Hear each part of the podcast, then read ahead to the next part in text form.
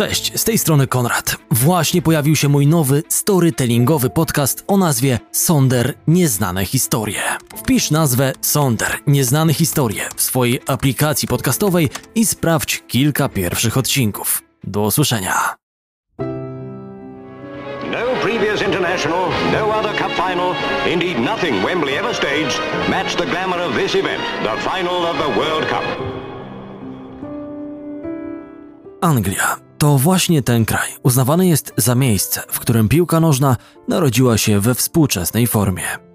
To w angielskim Sheffield w 1857 roku powstał pierwszy klub piłkarski. To w Albionie 14 lat później wystartowały rozgrywki FA Cup, stając się pierwszymi klubowymi rozgrywkami na świecie.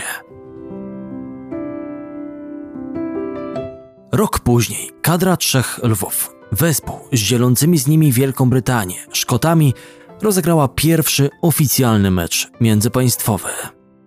To Anglicy pełnili na początku XIX wieku rolę futbolowych misjonarzy, którzy nieśli kaganek piłkarskiej oświaty w każdym miejscu na ziemi, w którym się pojawili, propagując ten nowy sport i zarażając bzikiem na jego punkcie kolejne narody. Jednakże rola piłkarskiego mesjasza owych narodów spowodowała, że Anglicy na wiele lat przypisali sobie funkcję jedynych i nieomylnych strażników futbolu. Gdy państwa z kontynentu zrzeszały się w Międzynarodową Federację, wyspiarze lawirowali, zbywając temat, by następnie przez pierwsze dekady istnienia FIFA przynależeć do niej według własnego widzimisię. O przerośniętym ego Anglików niech świadczy fakt, że synowie Albionu odmówili udziału we wszystkich trzech przedwojennych edycjach Mistrzostw Świata. Przekonani o własnej potędze, woleli kisić się we własnym sosie. W tym czasie reprezentacje z kontynentu oraz z Ameryki Południowej czyniły postępy, rozwijając nowe myśli taktyczne i dynamizując rozgrywkę. Gdy w końcu dumni wyspiarze postanowili łaskawie wziąć udział w pierwszej powojennej edycji World Cup, na ich głowy został wylany kubeł zimnej wody. W czasie brazylijskiego mundialu w 1950 roku reprezentacja trzech lwów nie zdołała wyjść z grupy, plasując się za plecami Hiszpanów.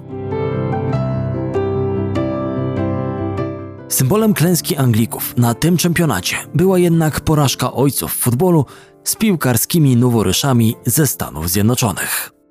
Katem ekipy trenowanej przez Waltera Winterbottoma okazał się być pracujący na zmywaku student rodem z Haiti, Joe Gagens, który prawdopodobnie w tamtym czasie nie miał nawet amerykańskiego obywatelstwa. Była to sensacja większego kalibru niż tegoroczna porażka Argentyny z Arabią Saudyjską.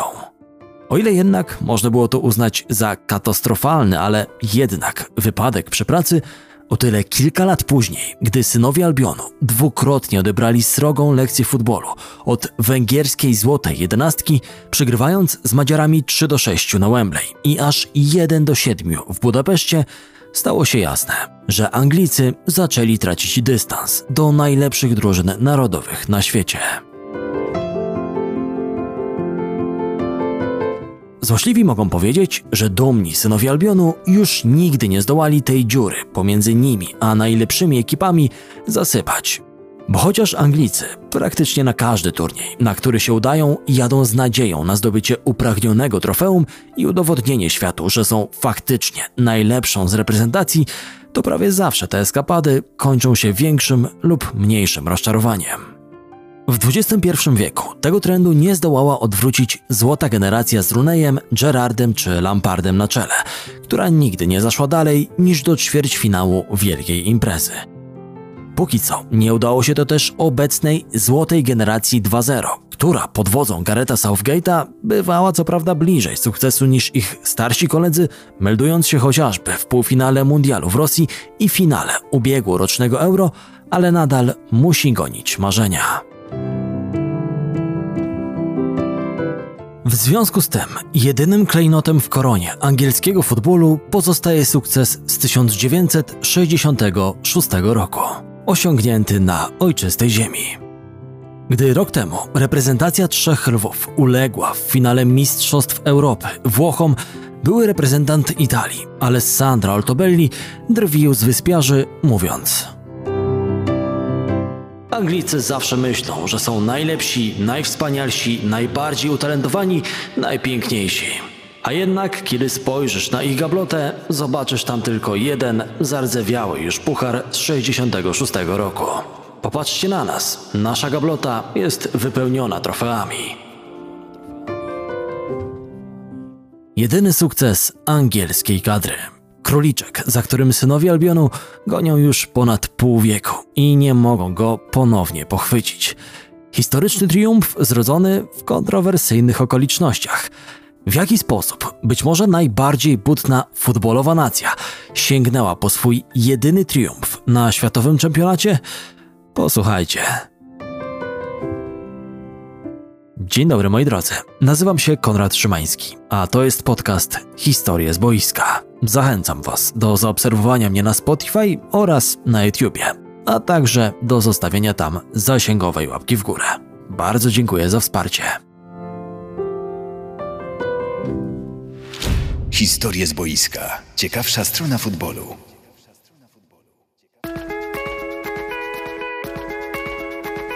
Już w 1960 roku FIFA postanowiła, że ósma edycja Mistrzostw Świata, która planowana była na rok 1966, odbędzie się w Anglii. Miał to być sposób na uczczenie stulecia powstania Angielskiej Federacji, które wypadało w roku 1963. Właśnie wtedy odbył się również związany z tym wydarzeniem mecz jubileuszowy, w którym synowie Albionu zmierzyli się z zespołem reszty świata, złożonym z czołowych piłkarzy z innych krajów. W tym samym roku nastąpiła także roszada na stanowisku selekcjonera w zespole Trzech Lwów. Po 16 latach z funkcją tą pożegnał się Walter Winterbottom. Jego miejsce zajął Alf Ramsey, były szkoleniowiec zespołu Ipswich Town, który to nowy opiekun kadry narodowej najpierw wprowadził do najwyższej angielskiej klasy rozgrywkowej, by już po roku od awansu sięgnąć wraz z nim po mistrzowski tytuł. Ponad pół wieku temu, gdy piłkarski kalendarz nie był jeszcze przeładowany do granic absurdu, mecze towarzyskie, jak wspomniane spotkanie Anglików z drużyną gwiazd FIFA, cieszyły się ogromnym zainteresowaniem, a uczestniczący w nim gracze traktowali je niezmiernie prestiżowo. Z kolei dla Ramseya była to doskonała okazja, by już na początku swojej selekcjonerskiej przygody pokazać, że wie w jakim kierunku będzie chciał poprowadzić kadrę narodową. Rodak Ramseya, Stanley Ross, który był w owym czasie prezydentem FIFA, Postarał się, by drużyna gwiazd, która miała wybiec na murawę Wembley, była naprawdę silna. Tym samym w jej szeregach pojawili się innymi legendarny radziecki bramkarz Lew Jaszyn czy gwiazdorzy Realu Madryt Alfredo Di Stefano i Ferenc Puszkarz. Ramsey wykorzystał szansę, aby zbudować dobry PR wokół reprezentacji Anglii. Synowie Albionu pokonali drużynę reszty świata 2 do 1.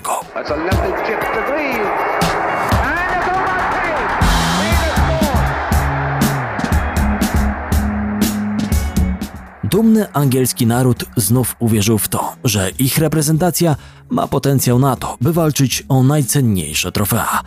W tym przekonaniu utwierdzał ich również nowy selekcjoner, który krótko po objęciu stanowiska wypalił na konferencji prasowej, że Anglia może wywalczyć na organizowanych przez siebie mistrzostwach złote medale.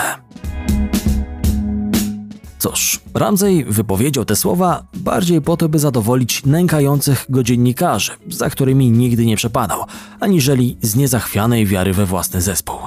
Wielu fanów szczerze jednak w niego wierzyło. Ramsey był powiewem świeżości w porównaniu ze swoim poprzednikiem, Walterem Winterbottomem.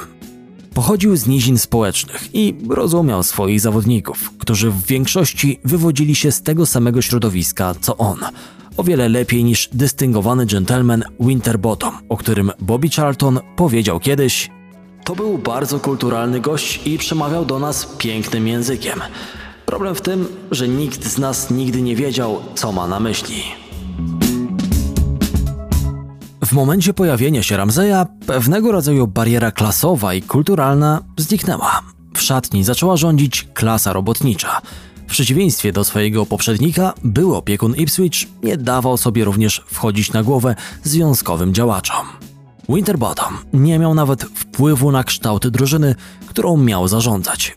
Za powołanie odpowiadała specjalnie stworzona do tego komisja. Ramsey ukrócił tę praktykę. Skoro to on miał być odpowiedzialny za wynik zespołu, musiał mieć pełną kontrolę nad jego budową.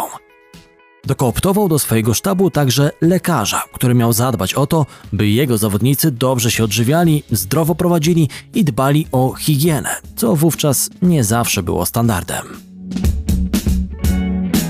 Opaskę kapitana selekcjoner postanowił wręczyć niespełna 23-letniemu, charyzmatycznemu obrońcy West Ham United Bobiemu Murowi, na którym miał zamiar oprzeć formację defensywną trzech lwów.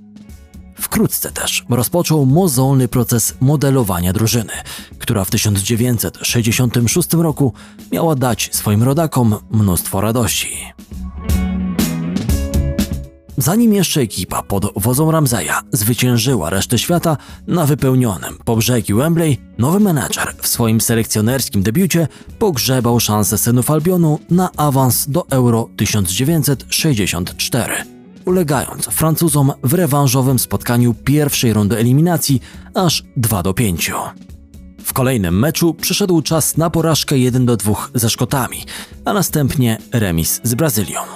Rok 1963 Anglicy kończyli jednak serią sześciu kolejnych wygranych. Szkoci ponownie okazali się lepsi na początku 1964 roku, lecz przegrana znów została powetowana serią czterech zwycięstw, w tym srogim rewanżem na Amerykanach za wstydliwą porażkę w czasie mundialu w 50 roku. W Nowym Jorku Jankesi zostali rozbici aż 0 do 10. Był to prolog tournée, na który Anglicy wybrali się za ocean.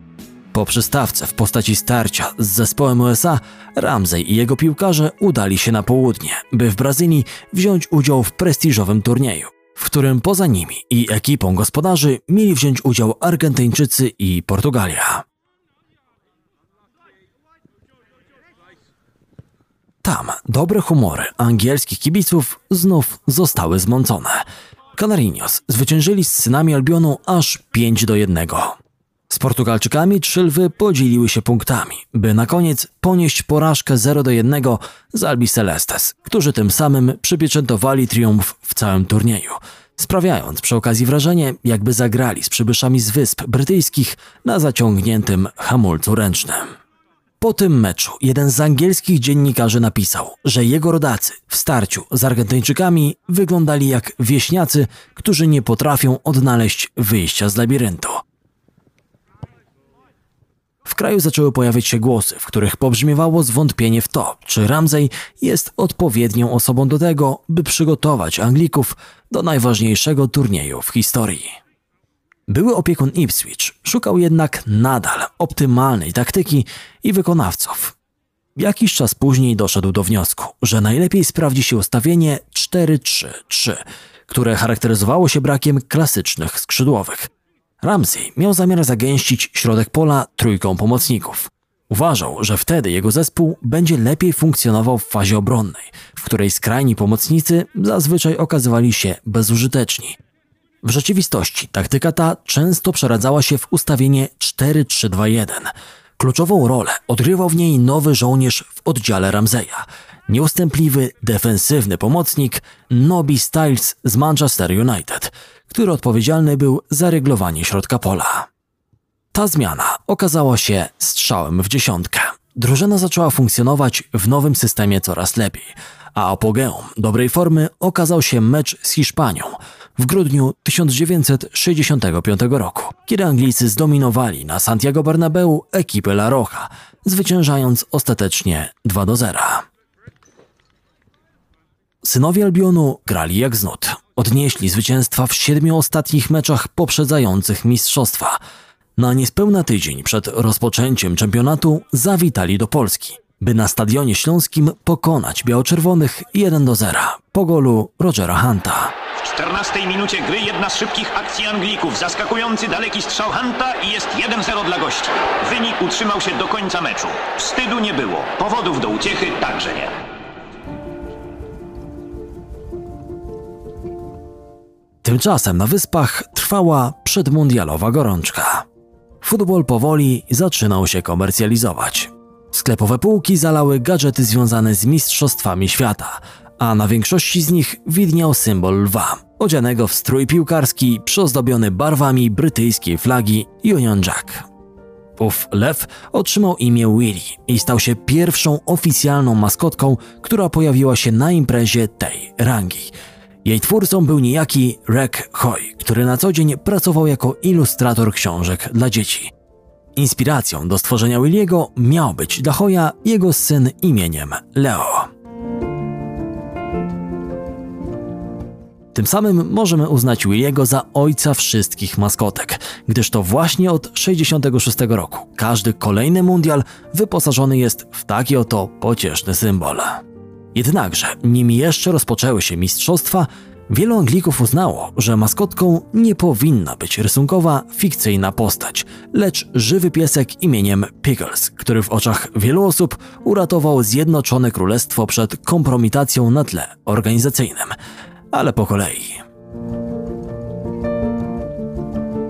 W marcu 1966 roku w Londynie odbywała się wystawa filatelistyczna, w czasie której jedną z atrakcji stanowiła wystawiona na pokaz Złota Nike, czyli ówczesne trofeum dla najlepszej reprezentacji na świecie.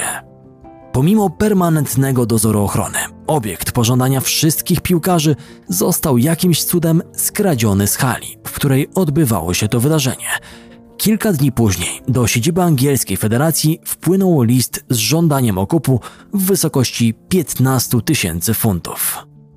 Pomimo starań policji, złodziei nie udało się namierzyć i wszystko wskazywało na to, że angielscy oficjele najedzą się potwornego wstydu przed całym światem. Warto dodać, że pierwszą reakcją gospodarzy mistrzostw na kradzież drogocennego trofeum była myśl o tym, by zataić całe zajście i w sekrecie stworzyć replikę Złotej Nike, która miała zostać podstawiona w miejsce oryginału. Jednakże organizatorzy szybko przekonali się o tym, że takiej sensacji nie da się zamieść pod dywan.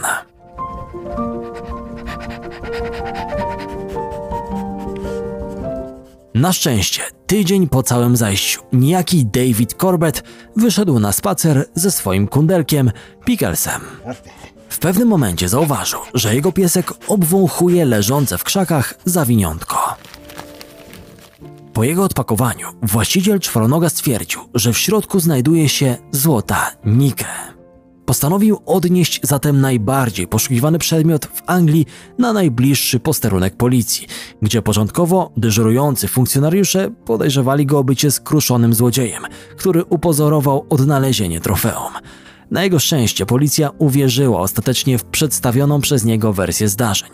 Corbettowi wręczono nagrodę pieniężną, a po zakończeniu turnieju zaproszono go wraz ze swoim pupilem na bankiet z okazji zdobycia przez Anglików odnalezionej przez niego statuetki. Wróćmy jednak do futbolu. Mistrzostwa świata w Anglii odbywały się w formule 16-zespołowej. Gospodarze trafili do jednej grupy z Urugwajem, Meksykiem i Francją. Co ciekawe, z eliminacji do mundialu zrezygnowały wszystkie zrzeszone wówczas FIFA federacje afrykańskie oraz solidaryzująca się z nimi kadra Syrii. Była to forma protestu wobec polityki przydzielania miejsc turniejowych. Afryka z Azją i Oceanią otrzymały razem zaledwie jedno miejsce do obsadzenia na angielskim turnieju. W związku z tym, trapieni poczuciem niesprawiedliwości, Afrykańczycy, głównie za namową ówczesnego przywódcy Gany, Kwame Nkrumah, postanowili, że w ogóle nie wezmą udziału w kampanii eliminacyjnej. FIFA ukarała buntowników karą tysiąca funtów od federacji, ale już cztery lata później zarówno Azja, jak i Afryka otrzymały po jednym miejscu na turnieju w Meksyku. Strajk Afrykańczyków i Syrii wykorzystała za to Korea Północna, która obok Portugalii była jednym z dwóch debiutantów na światowym czempionacie i dała się zapamiętać z dobrej strony, ale o tym będzie jeszcze czas napomknąć. Koreańczycy odcisnęli piętno na tym turnieju nie tylko na polu sportowym. Przed premierowym starciem Anglików z Urugwajem na Wembley odegrano hymny obu państw i w zasadzie nie byłoby sensu o tym wspominać, gdyby nie fakt, że mecz otwarcia oraz finał były jedynymi spotkaniami, przed którymi zdecydowano się to zrobić. Dlaczego tak się stało? Otóż Anglia nie utrzymywała stosunków dyplomatycznych ze wspomnianą Koreą Północną i by uniknąć odgrywania hymnu tego państwa, gospodarze podjęli wcześniej wspomnianą decyzję.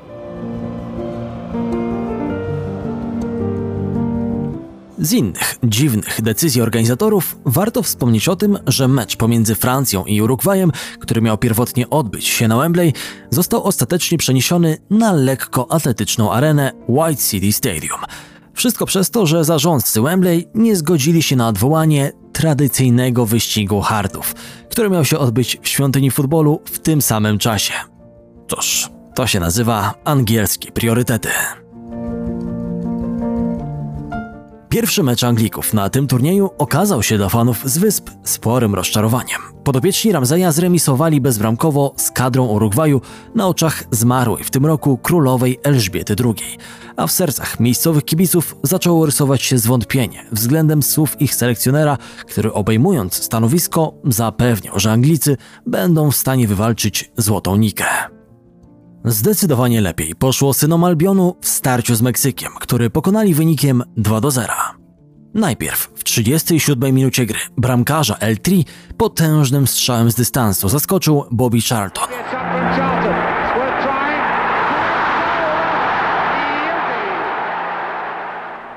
A później, w drugiej części spotkania, wynik meczu ustalił Roger Hunt, który w podbramkowym zamieszaniu wykorzystał niefrasobliwość Ignacio Calderona, nie potrafiącego skutecznie złapać piłki. To nadal jednak był mecz daleki od ideału.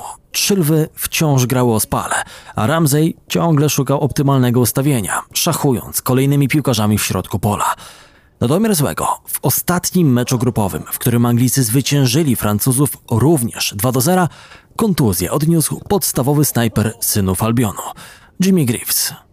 Na szczęście w dobrej formie znajdował się Hunt, który przeciwko Luble ustrzelił dublet. Greavesa zaś do następnego meczu miał zastąpić napastnik West Hamu, Jeff Hurst, któremu Ramsey dał zadebiutować w kadrze zaledwie kilka miesięcy wcześniej. Wymuszona podmiana nieskutecznego do tej pory Greavesa na 25-letniego gracza młotów miała okazać się w ostatecznym rozrachunku prawdziwym game changerem. Gra trzech lwów jak na razie nikogo szczególnie nie porywała, pomimo wygrania przez nich swojej grupy. Po meczu Anglików z Francją na ustach opinii publicznej był Nobby Styles. I w żadnym wypadku nie wiązało się to z jego świetną dyspozycją boiskową, lecz bestialskim faulem na Jacques Simonie, który wyeliminował przeciwnika z dalszej gry. Co ciekawe, prowadzący to spotkanie arbiter Arturo Yamasaki z Peru nawet nie odgwizdał w tej sytuacji faulu. Synowie Albionu zdobyli pierwszego gola, gdy Simon nadal zwijał się z bólu na murawie. Po meczu jeden z urzędników FIFA ostrzegł Anglików, że kolejne takie zagranie skończy się wykluczeniem Stylesa z dalszego udziału w turnieju. Rozeźleni działacze domagali się od Ramseya, by ten odsunął zadziornego pomocnika Manchesteru od składu w ramach kary. Selekcjoner kategorycznie odmówił i zagroził, że jeśli związkowi krawaciarze będą próbowali wpływać na jego decyzje personalne, odejdzie ze stanowiska jeszcze w czasie trwania turnieju. Wiele lat później sam Nobby Styles tak wspominał Alfa Ramseya. Bałem się, że ludzie z FA zmuszą trenera, by odsunął mnie od składu. Dzień przed meczem z Argentyną Alf podszedł do mnie w hotelu i powiedział Nie wiem, czy to cię interesuje, ale grasz jutro w pierwszym składzie. Jego lojalność wobec graczy powodowała, że dla tego faceta byłbym w stanie przebiec przez ceglaną ścianę. Zresztą chyba jak każdy piłkarz w tamtym zespole.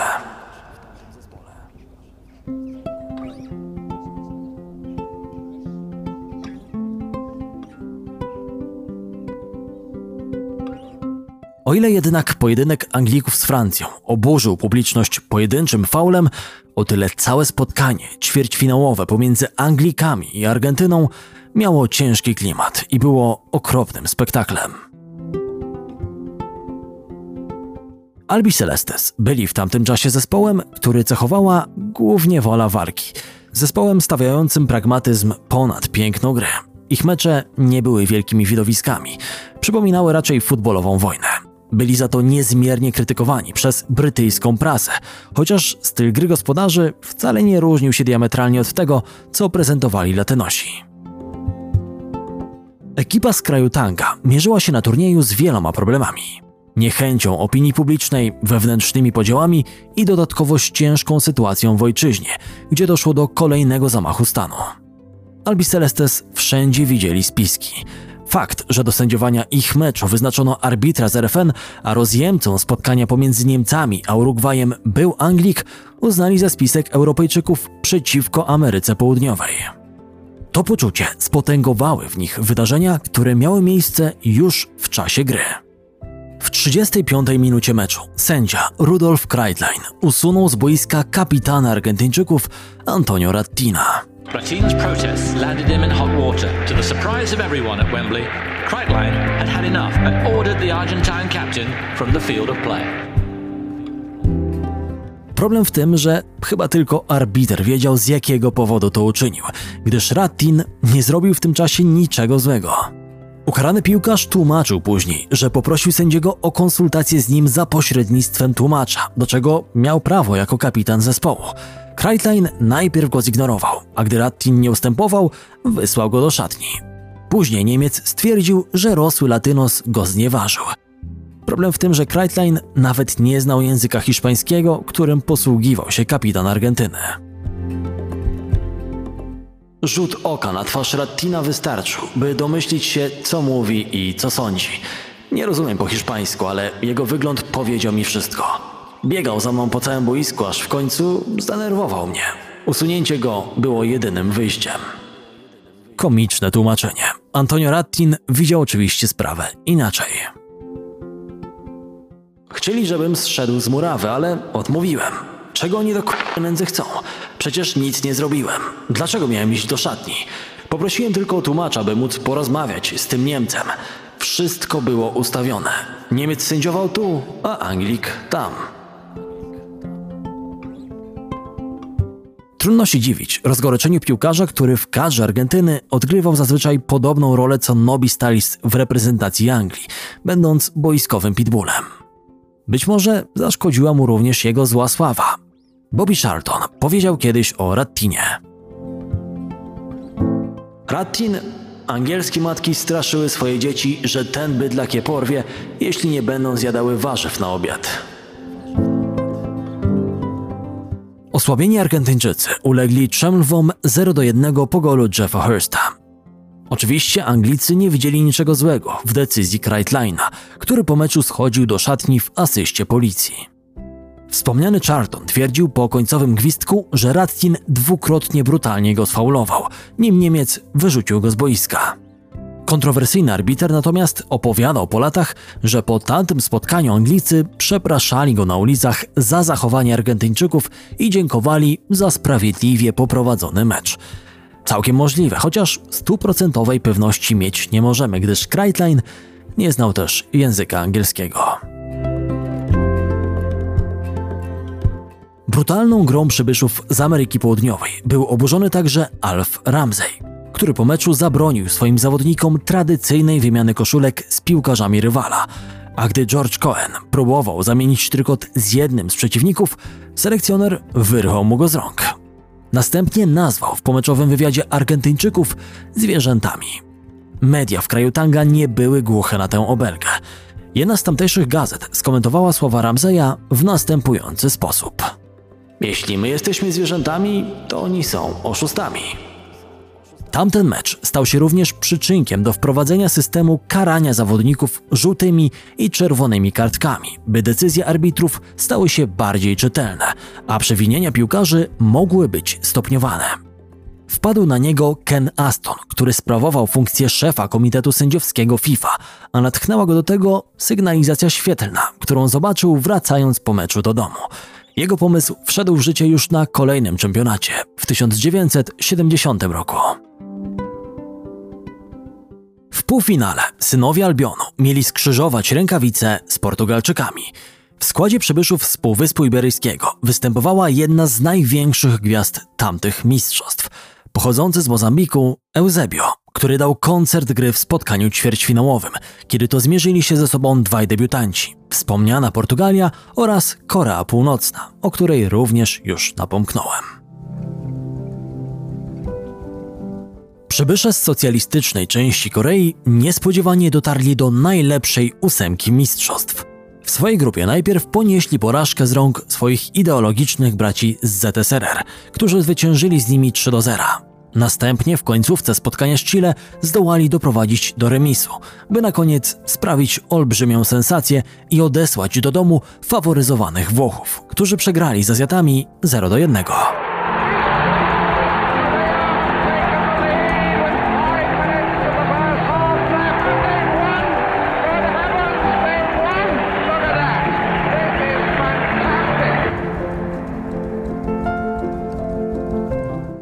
starciu ćwierćfinałowym Korea również była na najlepszej drodze, by znów zszokować świat.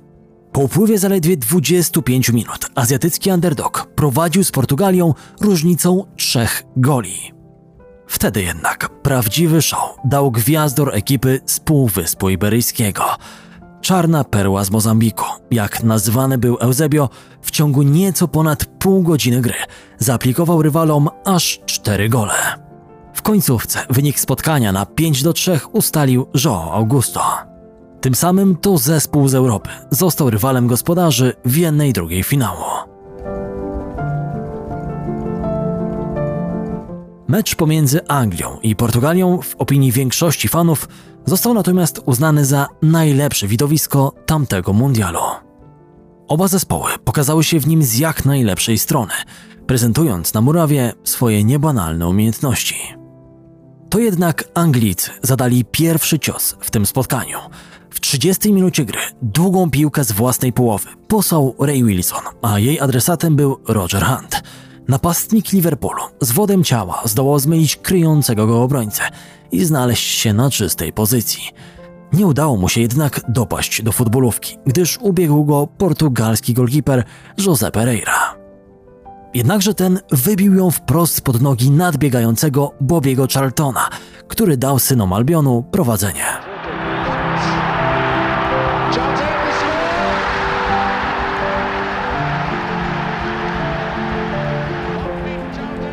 Charlton został również zdobywcą bramki numer 2 dla Anglików. Ta znów została zapoczątkowana specjalnością wyspiarskiego zakładu, czyli lagą na napastnika. Cóż, być może Czesław Michniewicz inspirował się przed katarskim mundialem tym właśnie spotkaniem. Długa piłka została przejęta przez Jeffa Hursta. Ten zaś wyłożył ją wbiegającemu w pole karne gwiazdorowi Manchester United, który huknął nie do obrony.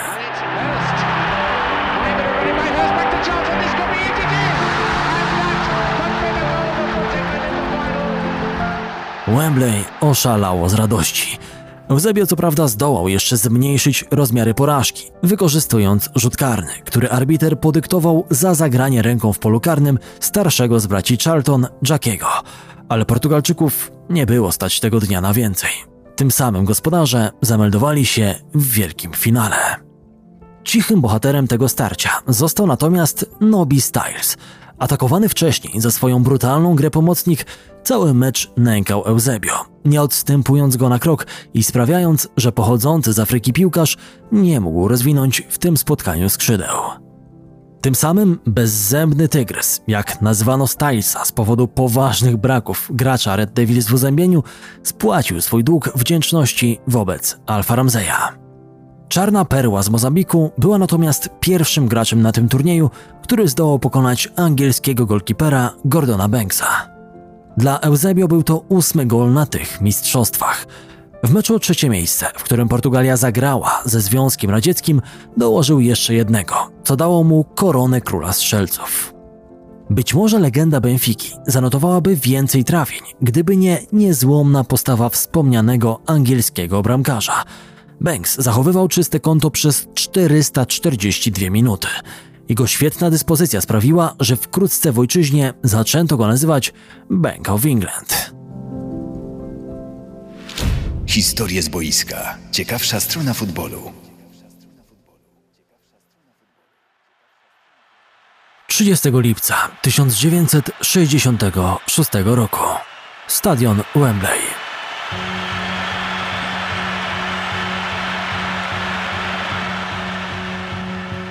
Trwa dogrywka finałowego spotkania o Mistrzostwo Świata w piłce nożnej pomiędzy gospodarzami turnieju Anglią i reprezentacją Niemiec Zachodnich.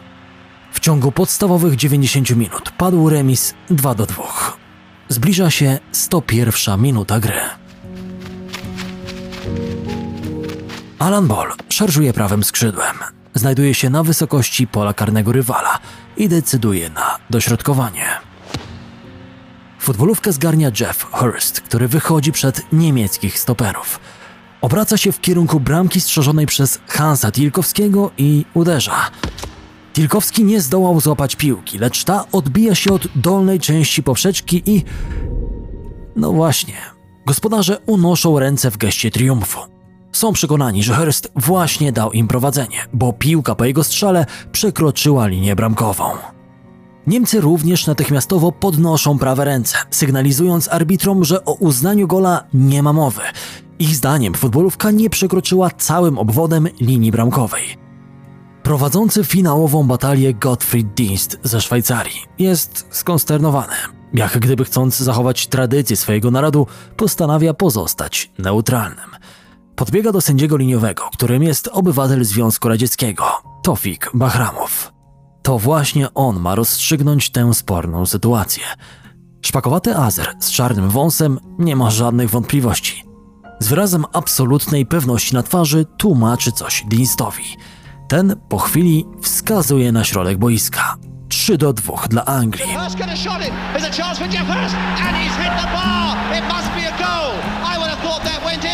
But he's not given it. I'm not certain. Yes, it's given. It's given. England are in the lead. It's a goal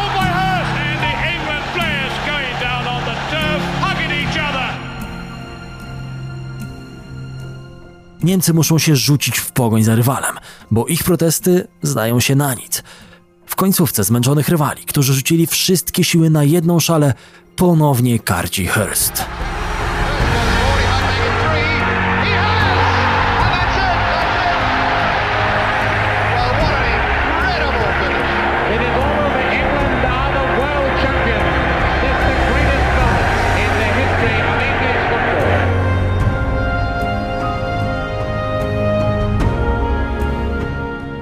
4 do 2 dla dumnych synów Albionu.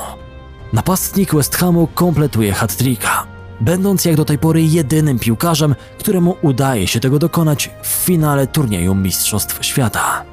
Kilkanaście minut później Bobby Moore odbiera złotą statuetkę z rąk królowej Elżbiety II.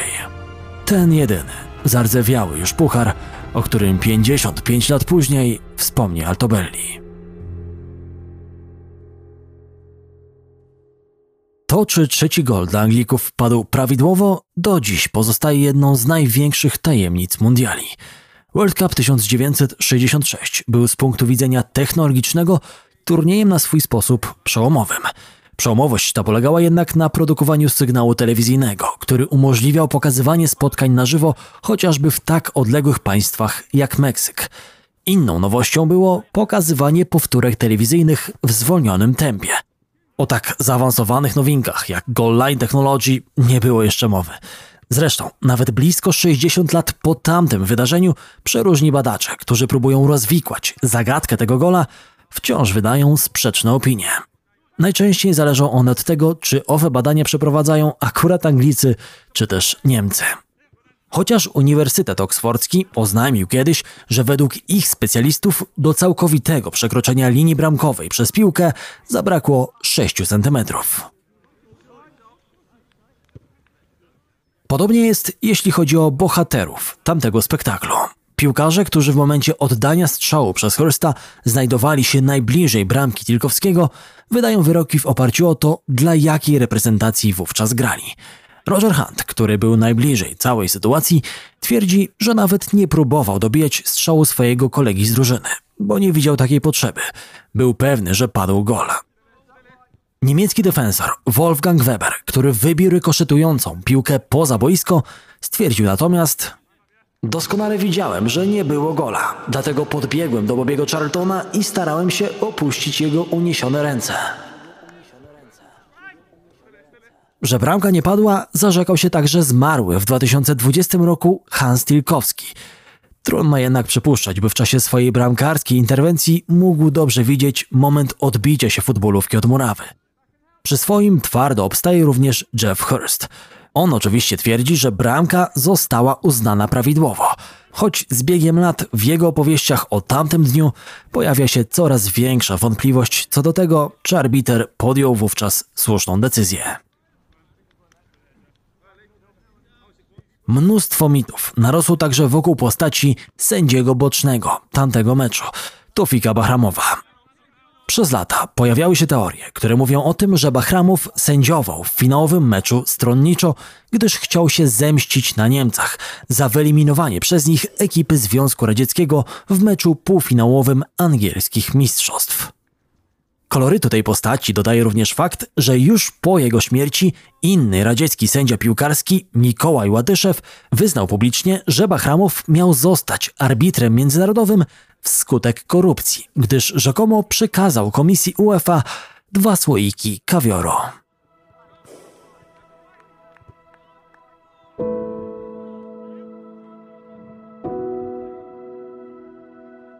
Mimo towarzyszących mu kontrowersji i chociażby coraz lepszej gry Karabachu na międzynarodowej arenie, Tofik Bahramow pozostaje najsłynniejszą postacią w historii azerskiego futbolu.